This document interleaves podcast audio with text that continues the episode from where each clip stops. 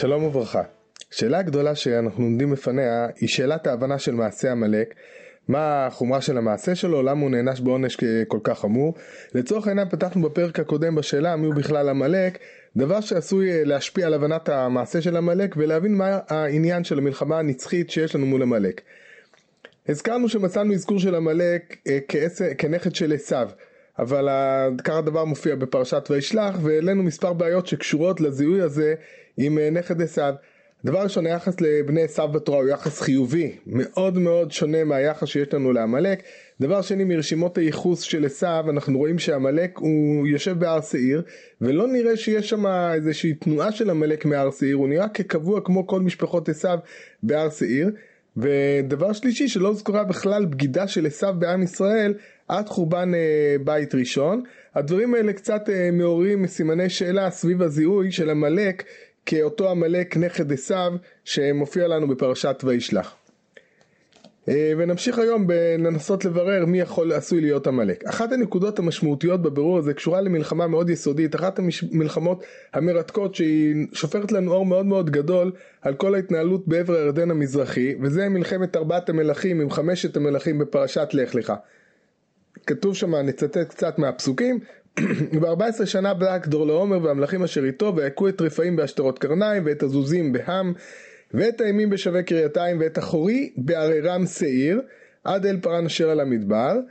וישובו ויבואו, אל, ויבואו אליהן משפט יקדש ויכו את כל שדה העמלקי וגם את האמורי היושב בחצצון תמר.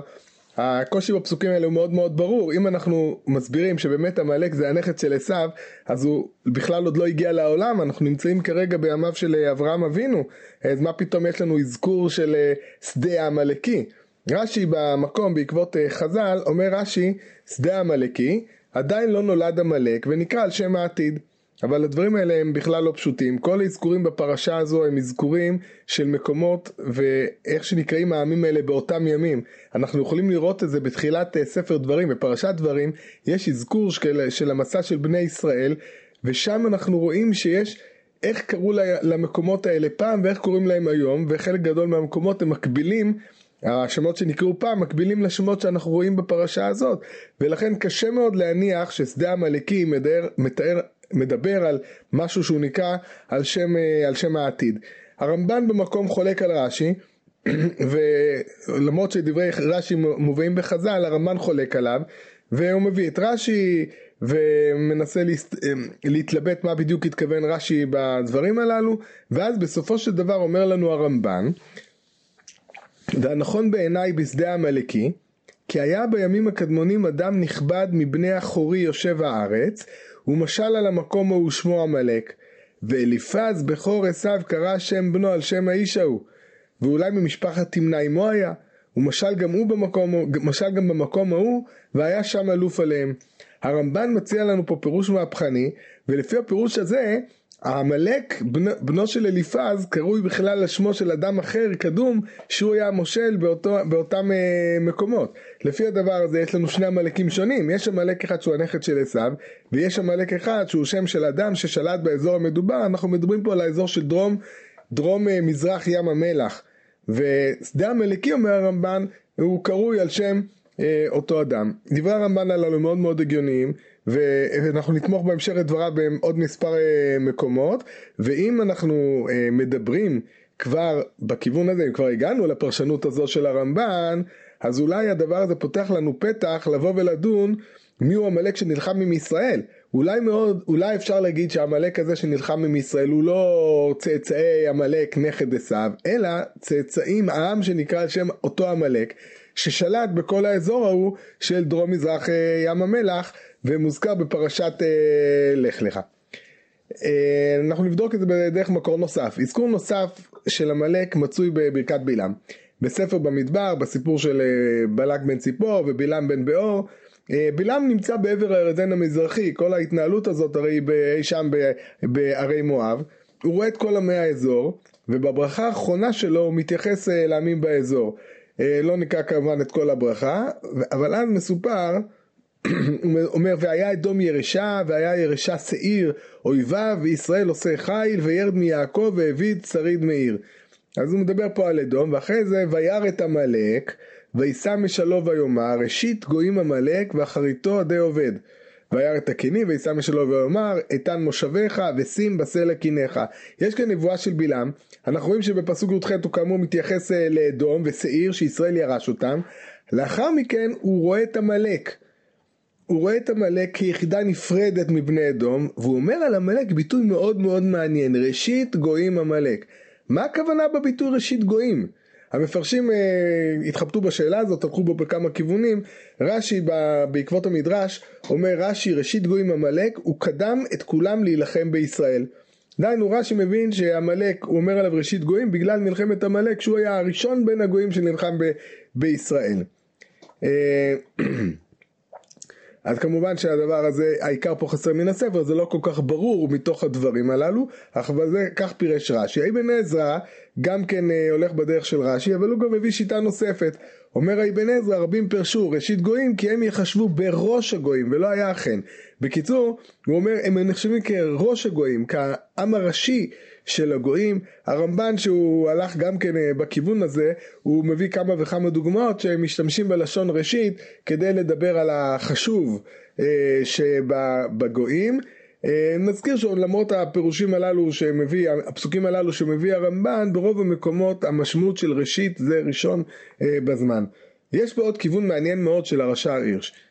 הרש"ר הירש היה פוער לאפשרות אחרת להבנת הדברים, אבל uh, הוא דחה אותה, נראה מה הוא אומר, אומר הרש"ר, ראשית גויים, הראשון במעלה, שהרי מואב היה גדול ממנו בשנים. אם כן אומר לנו, ה... אומר לנו הרש"ר הירש, שמואב היה גדול ממנו בשנים, דהיינו יכולנו לחשוב שהכוונה היא לעם הקדמון ביותר, אבל הרי מואב הוא קדם לו. הרש"ר הירש מתוך הנחה שעמלק המדובר פה הוא נכדו של עשיו, אז יוצא שהמואבים קדמו להם, ולכן הוא דוחה את אפשרות הפירוש הזו.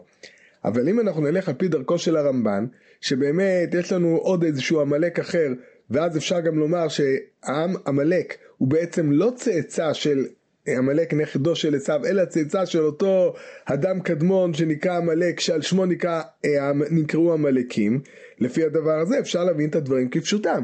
בלעם נמצא בעבר הירדן המזרחי. מי נמצא בעבר הירדן המזרחי? יושבים שם מדיינים, קינים, אדומים, מואבים, עמונים. אדומים, מואבים ועמונים הם עמים מאוחרים. הם עמים שהם אה, מאוחרים לימי אברהם. אה, המדיינים, הקנים ועמלק, בהחלט יכול להיות זה עמים קדומים. המדיינים יכול להיות שהם צאצאי אברהם בכלל, אבל אלו עמים קדומים יחסית, וייתכן מאוד שעמלק הוא באמת העם הקדום ביותר שמוזכר בין העמים האלה, הוא הקדום ביותר, ולכן בלעם מכנה אותו בשם אה, ראשית, ראשית גויים. ואז זה תואם לעובדה שראינו אותו בימי אברהם כבר, שדה עמלקי, הוא נחשב כאיזשהו עם שקיים ומוזכר בתוך המרחב הזה של עבר הירדן המזרחי.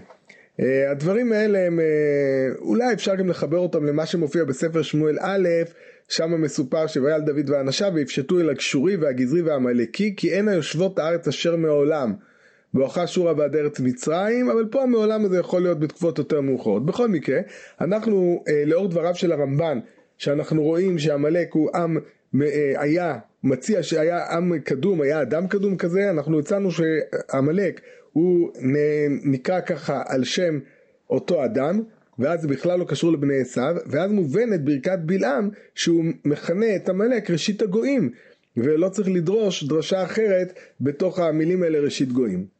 אם אנחנו כבר עסוקים בברכת בלעם, אה, יש פה עוד איזושהי נקודה עמלקית בתוך הברכה של בלעם שחשוב לתת עליה את הדעת והיא בברכה אחת לפני האחרונה. שם בלעם אה, שם אל המדבר פניו ולא הולך כפעם בפעם לקראת נחשים הוא מברך את ישראל ובתוך ברכתו הוא אומר מה טובו עליך יעקב משכנותיך ישראל כי נחלים ניטלו כגנות עלי נהר קהלים נטע אדוני כארזים עלי מים. יזל מים מדלייו וזרעו במים רבים וירום מאגג מלכו ותינשא מלכותו. אגג. מי זה אגג? אגג, אנחנו מכירים מי זה אגג. אגג הוא מלך עמלק בימי שאול. דהיינו בתקופה יותר מאוחרת. מה המשמעות של הזכרת אגג במקום הזה? יש מפרשים, כמובן הלכו באותו כיוון שאנחנו אה, מכירים, כבר הזכרנו קודם, אמרו מדובר על שם העתיד. והכוונה פה בברכה שלו על שאול שהוא עתיד לגבור על אגג מלך עמלק. הרשב"ם, שהוא פשטן גדול, הלך בכיוון מעט שונה, הרשב"ם אומר שכל מלכי עמלק נקראים הגג. כמו כל מלכי מצרים שנקראים פרעה, ומלכי פלישתים אבימלך, ושל ירושלים מלכי צדק אדוני צדק, אז הגג זה שם גנרי למלכים של אה, מלכי עמלק. ולכן לפי הדבר הזה, לדוגמה, המן האגגי שבמגילת אסתר הוא צאצא של משפחת המלוכה אה, העמלקית. ולפי הדבר הזה, הגג לא מתכ... אה, בלעם לא מתכוון להגג שיהיה לעתיד, הוא לא מברך על שם העתיד, הוא אומר, וירום מהגג מלכו, הכוונה שהמלך של ישראל יהיה יותר חשוב, יותר מרומם, מהמלך של המלכים מהג... מהגג. וזה באמת משנה לחלוטין את כל הנבואה הזאת. אבל אה, מה, איזה הגג מתייחס בלעם? מי זה הגג הזה שבלעם מתייחס אליו? אם אנחנו באמת מניחים שלא מדובר על שם העתיד, אז מי הוא הגג שאנחנו מדברים עליו? אה, יכול להיות שאנחנו צריכים להיעזר פה באחת הסוגיות המרתקות שקיימות ביחס להיסטוריה המצרית, והיא גם קשורה לעמלק. אחת התקופות העמומות ביותר בהיסטוריה המצרית היא התקופה של שלטון החיקסוס. מי היו החיקסוס? זאת תעלומה מאוד גדולה. אה, ברור לכולם שמדובר על שבטים נודדים פולשים ששלטו במצרים במשך תקופה של כמה מאות שנים והם ישבו באזור הדלתא של מצרים. אנחנו מכירים את הסיפור הזה מוויכוח מאוד, מאוד מעניין שיש ליוסף בן מתתיהו בספר שלו נגד אפיון עם התפיסה של ההיסטוריונים היוונים הקדומים שהם אמרו שהחיקסוס זה היו עם ישראל. וכנגד הדברים האלה יוצא נגדם יוספוס ויש שם דיון מאוד מעניין סביב כל ההיסטוריה של עם, של אה, עם ישראל, לא ניכנס לזה כרגע. בכל מקרה מדובר על עם שפלש למצרים ושלט בה ובסוף הוא סולק על ידי אחד הקצינים המצריים שהופך להיות למלך מצרים. שאלה גדולה והמשמעותית, מתי שלטו החיקסוס במצרים? לפי התפיסה המקובלת, לפי התפיסה המקובלת מדובר על תקופה של סדר גודל נגיד של 1700 לפני הספירה. אה, ואז השאלה מה היחס בין זה לבין יציאת מצרים? אה, לפי מה שמופיע לנו בספר מלכים על אה, שבניית חנוכת המקדש הייתה 480 שנה אחרי יציאת מצרים אז יוצא שבית המקדש הראשון נבנה סביב 970 לפני הספירה ואז יציאת מצרים זה בית המקדש הראשון אנחנו יודעים שהוא סביב 970 לפני הספירה ואם נוסיף את ה-480 יוצא שאנחנו מגיעים נגיד אמצע המאה ה-15 לפני הספירה. מה שמעניין אותנו, גם מי שלא עקב אחרי החשבון של הזמנים, יוצא שבעצם פרעה שהיה בזמן יוסף, הוא באמת היה פרעה מבני השלטון של החיקסוס. וזה יכול להסביר לנו מאוד טוב את העניין שאחרי זה קם מלך חדש של מצרים אשר לא ידע את יוסף כי זה באמת אחרי שגירשו את החיקסוס ממצרים ו... אה, ואחרי זה עלה שלטון אה, של מלכים מצריים, אה, פרעונים מצריים. מה כל זה אבל קשור לעמלק? אנחנו התחלנו מהסיפור של עמלק. לפי מנתון שהוא היה פילוסוף היסטוריון יווני, המלך ממלכי החיקסוס שמלך את פרק הזמן הארוך ביותר היה שמו אפפיס או אפאפ. זה גם נציין, זה גם השם של האל הרע במיתולוגיה המצרית. יכול להיות שזה קשור שבגלל שזה אותו המלך קראו לאל הרע שם אפאפ.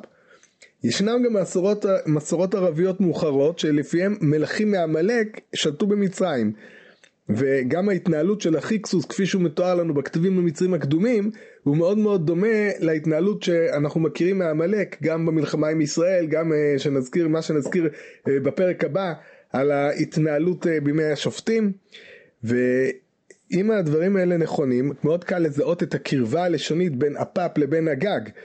ויכול להיות מאוד שאגג מלך עמלק הכוונה היא לאותו מלך עמלקי ששלט במצרים ובעצם לא רק במצרים כי המלך הזה שלט בכל המרחב של, של המזרח התיכון של אזורנו יכול להיות שזה הכוונה של בלעם, זה היה מלך מפורסם, מלך גדול, מלך שבאמת כל המרחב הכיר את המלך הגג, וזה הברכה של בלעם, וירום מהגג אה, מלכו. יש פה סיפור מאוד מאוד אה, מעניין, לא ניכנס, אני לא רוצה כרגע להרחיב, כי באמת אה, הדברים הללו הם אה, ארוכים מיני ים, עמוקים מיני ים וארוכים מיני דרך ארוכה, ויש שם עמנואל וליקובסקי, זה היה סיפור מאוד מאוד מעניין, שהוא יש לו מערכת שלמה של שינוי שמשנה את כל ההיסטוריה המצרית, ולפי השיטה שלו, יוצא שהחיקסוס, שעמלק זה אחרי, אחרי שעם ישראל יוצאים ממצרים, Uh, התפיסה שלו יש בה הרבה מאוד קשיים אבל זה לא משנה כי גם לפי התפיסה שלו אותו הגג בשנת 40 להליכת בני ישראל, אותו הגג הוא כבר מלך גדול ומשמעותי שכולם אה, מכירים אותו. מי שרוצה מומלץ לקרוא את הספר שלו, תקופות בתור, ששם באמת יש אה, דברים מאוד מאוד אה, מעניינים. לפי הדברים האלה, אז הברכה של בלעם יוצאת לנו מאוד מאוד אה, מובנת, הברכה של בלעם. בלעם למעשה רואה את עמלק, לפי מה שאנחנו הצגנו כרגע, עמלק הזה זה עם מאוד מאוד קדום שיושב במזרח, זה עם שבמהלך השנים התפשט וכיוון שהוא היה כנראה גם עם של נווד, הוא התפשט במרחב, בשלב מסוים הוא גם אה, יכול להיות שהשתלט על מצרים ושלט שם מלכים מעמלק, שלטו במשך כמה מאות שנים וזה בעצם העניין של הברכה שבירום מהגג מלכו. אה, אז, אה, אז בעצם מה שהגענו עד עכשיו, ההצעה שלנו שבאמת עמלק הוא לא הנכד של עשיו, לא שהוא לא, יש אפשרות אחת להסתכל על עמלק כאילו נכדו של עשיו, זו אפשרות אחת, יש אפשרות שנייה שבאמת מדובר על עם אחר, שהוא עם מאוד מאוד מאוד קדום שנמצא פה במזרח, ב, ב, נמצא פה בעבר הירדן המזרחי ובאזורים ש, ומתפשט לכיוון אה, דרום הארץ. ובשלב מסוים יכול להיות מאוד שהוא גם כבש את מצרים ושלט שם והמלך שלו הגג היה מלך מאוד מאוד חשוב. אני רוצה לגוע בעוד נקודה אחת קטנה שהיא תסייע לנו מאוד בהמשך וזו השאלה איפה העמלקים אה, יושבים. אה, וזה יכול גם לענות על השאלה מאיפה בא עמלק כי רבותינו זיכרונם לברכה שזיהו את עמלק עם נכד עשיו הם הביאו מאיפה הוא בא? הוא בא מהר שעיר הוא באמת הלך מרחק מאוד מאוד מאוד גדול. הזכרנו גם את השיטות שעמלק הגיע אי שם מדרום ארץ ישראל שזה גם מרחק לא קטן אבל בואו נראה איפה אנחנו מכירים את עמלק. כשאנחנו בוחנים את האזכורים של עמלק בתנ"ך, אנחנו יכולים לראות שהוא נמצא במספר אזורים גיאוגרפיים. המקור, המקום הברור הוא עבר הדן המזרחי, הזכרנו את זה גם במלחמת ארבעת המלכים וחמשת המלכים, זה ככה גם בברכת בלעם, הוא רואה שם את העמלקים. ספר שופטים העמלקים יושבים בעבר הדן המזרחי, במלחמה עם עגלון מלך מואב מסופר שויאסוף אליו את בני עמון ועמלק, וילך ויח את ישראל וירשו את עיר התמרים. אה, אותו דבר במלחמת גדעון, וכל מדיין ועמלק ובני קדם נאספו יחד ויעברו ויחנו בעמק יזרעאל. אז ברור פה שעמלק יושב בעבר הירדן המזרחי, וזה מה שאנחנו רואים גם בימי בלעם וגם אחרי זה בתקופת השופטים. מקום נוסף זה דרום הארץ, דרום הנגב. אנחנו יכולים לראות בסיפור המרגלים, עמלק יושב בארץ הנגב. ואחרי זה, אחרי שמנסים לעלות שם בהר, וירד העמלקי והכנעני יושב בהר ויקום ויקטום עד החורמה. אותו דבר במלחמה של שאול, שנערכת בעיר עמלק, ויח שאול את עמלק מחבילה בואכה שור אשר, פני, אשר על פני מצרים, כאן אנחנו רואים אזורים יותר דרומיים, האזורים של סיני. וגם uh, הדבר הזה, הזכרנו מקודם את הפסוק שלגבי דוד, שבקשר לגשורי, גזרי ועמקי, הנה הנה יושבות הארץ אשר מעולם בואכה שורה ועד ארץ מצרים, אז אנחנו רואים שמקום מאוד uh, בולט שבו יושבים העמלקים, הדבר הזה נמצא גם בזמן uh, מסע בני ישראל במדבר וגם בתקופתו של דוד, זה בחלקים הדרומיים של הארץ ועוד דרומה לכיוון uh, מדבר סיני במרחב שבין uh, הנגב לבין uh, מצרים. צריך להזכיר שיש עוד מקום נוסף שבו מוזכר לנו העמלקים וזה בהר אפרים. בשני מקומות בספר שופטים אפשר לראות שאפרים יושב אה, במקום שאפרים היה שם, ישבו קודם עמלקים. שירת דבורה, דבורה, דבורה אומרת, מיני אפרים שורשם בעמלק, וגם אחרי זה בפרק י"ב מסופר שם על אחד השופטים הקטנים, אבדון הפירעתוני, וימות אבדון בן הלל הפירעתוני, ויקבר בפירעתון בארץ אפרים בהר העמלקי. מעניין גם לראות הקרבה בין פירעתון לבין פרעה, אפשר פה מעוררת איזושהי אה, אה, זיקה, מעוררת איזושהי זיקה מסוימת, אולי באמת יש פה איזה קישור לאיזה מלך מצרי, בכל מקרה יש פה עדות מאוד מעניינת, שאפרים יושב בהר העמלקי, דהיינו שעמלק ישב פעם בהר אה, אפרים. מכל אנחנו רואים שההתפרסות של עמלק במרחב שאנחנו, במרחב ארץ ישראל וסביבותיה, התפרסות מאוד מאוד מאוד רחבה, גם בעבר הירדן המזרחי, גם בדרום הארץ, גם בסיני, גם בהר אפרים, והדברים האלה יכולים להעיד על עם, אה, ש... עם שהוא אולי נודד, עם שהוא אין לו הוא יושב בכל המקומות אבל לא בהכרח יש לו איזשהו מקום אה, קבע מובהק כמו עמים אחרים הוא נמצא, הדבר המחנה המשותף לרוב המקומות הללו שזה נמצא ב, נקרא לזה באזורי הספר של ארץ ישראל. אמ, טוב, בכל מקרה, יש פה עוד נקודה אחת שיש עמים שתמיד מוזכרים איתם, נזכיר את זה אולי בפרק הבא, את הקיני ואת המדיינים, שהם הרבה פעמים נקשרים ביחד עם העמלקים, הם גם יש להם תכונות דומות לתכונות של אה, עמלק.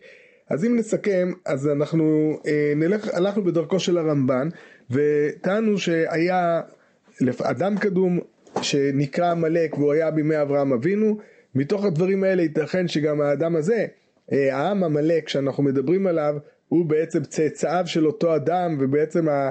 אה, לא אותו אדם, זה היה העם עמלקי, זה העם עמלקי המרכזי שסביבו מתנהלת כל, ה, אה, כל ההתייחסות של התורה היא סביב העם הזה, עם עמלקי, הוא נע בתוך המרחב הספר של ארץ ישראל, הן בעבר הירדן המזרחי, הן בדרום הארץ, הן בסיני, אה, העם הזה ייתכן מאוד שהוא גם בשלב מסוים במשך אה, שנים שלט במצרים והמלך שלו, הגג, הפאפ, לא משנה איך נקרא לו כרגע, היה מוכר במרחב, אה, במרחב האזור ובלעם אכן משתמש בשם שלו בתור הדגמה למלך רם ונישא שמלך ישראל יגיע למדרגה גבוהה ממנו.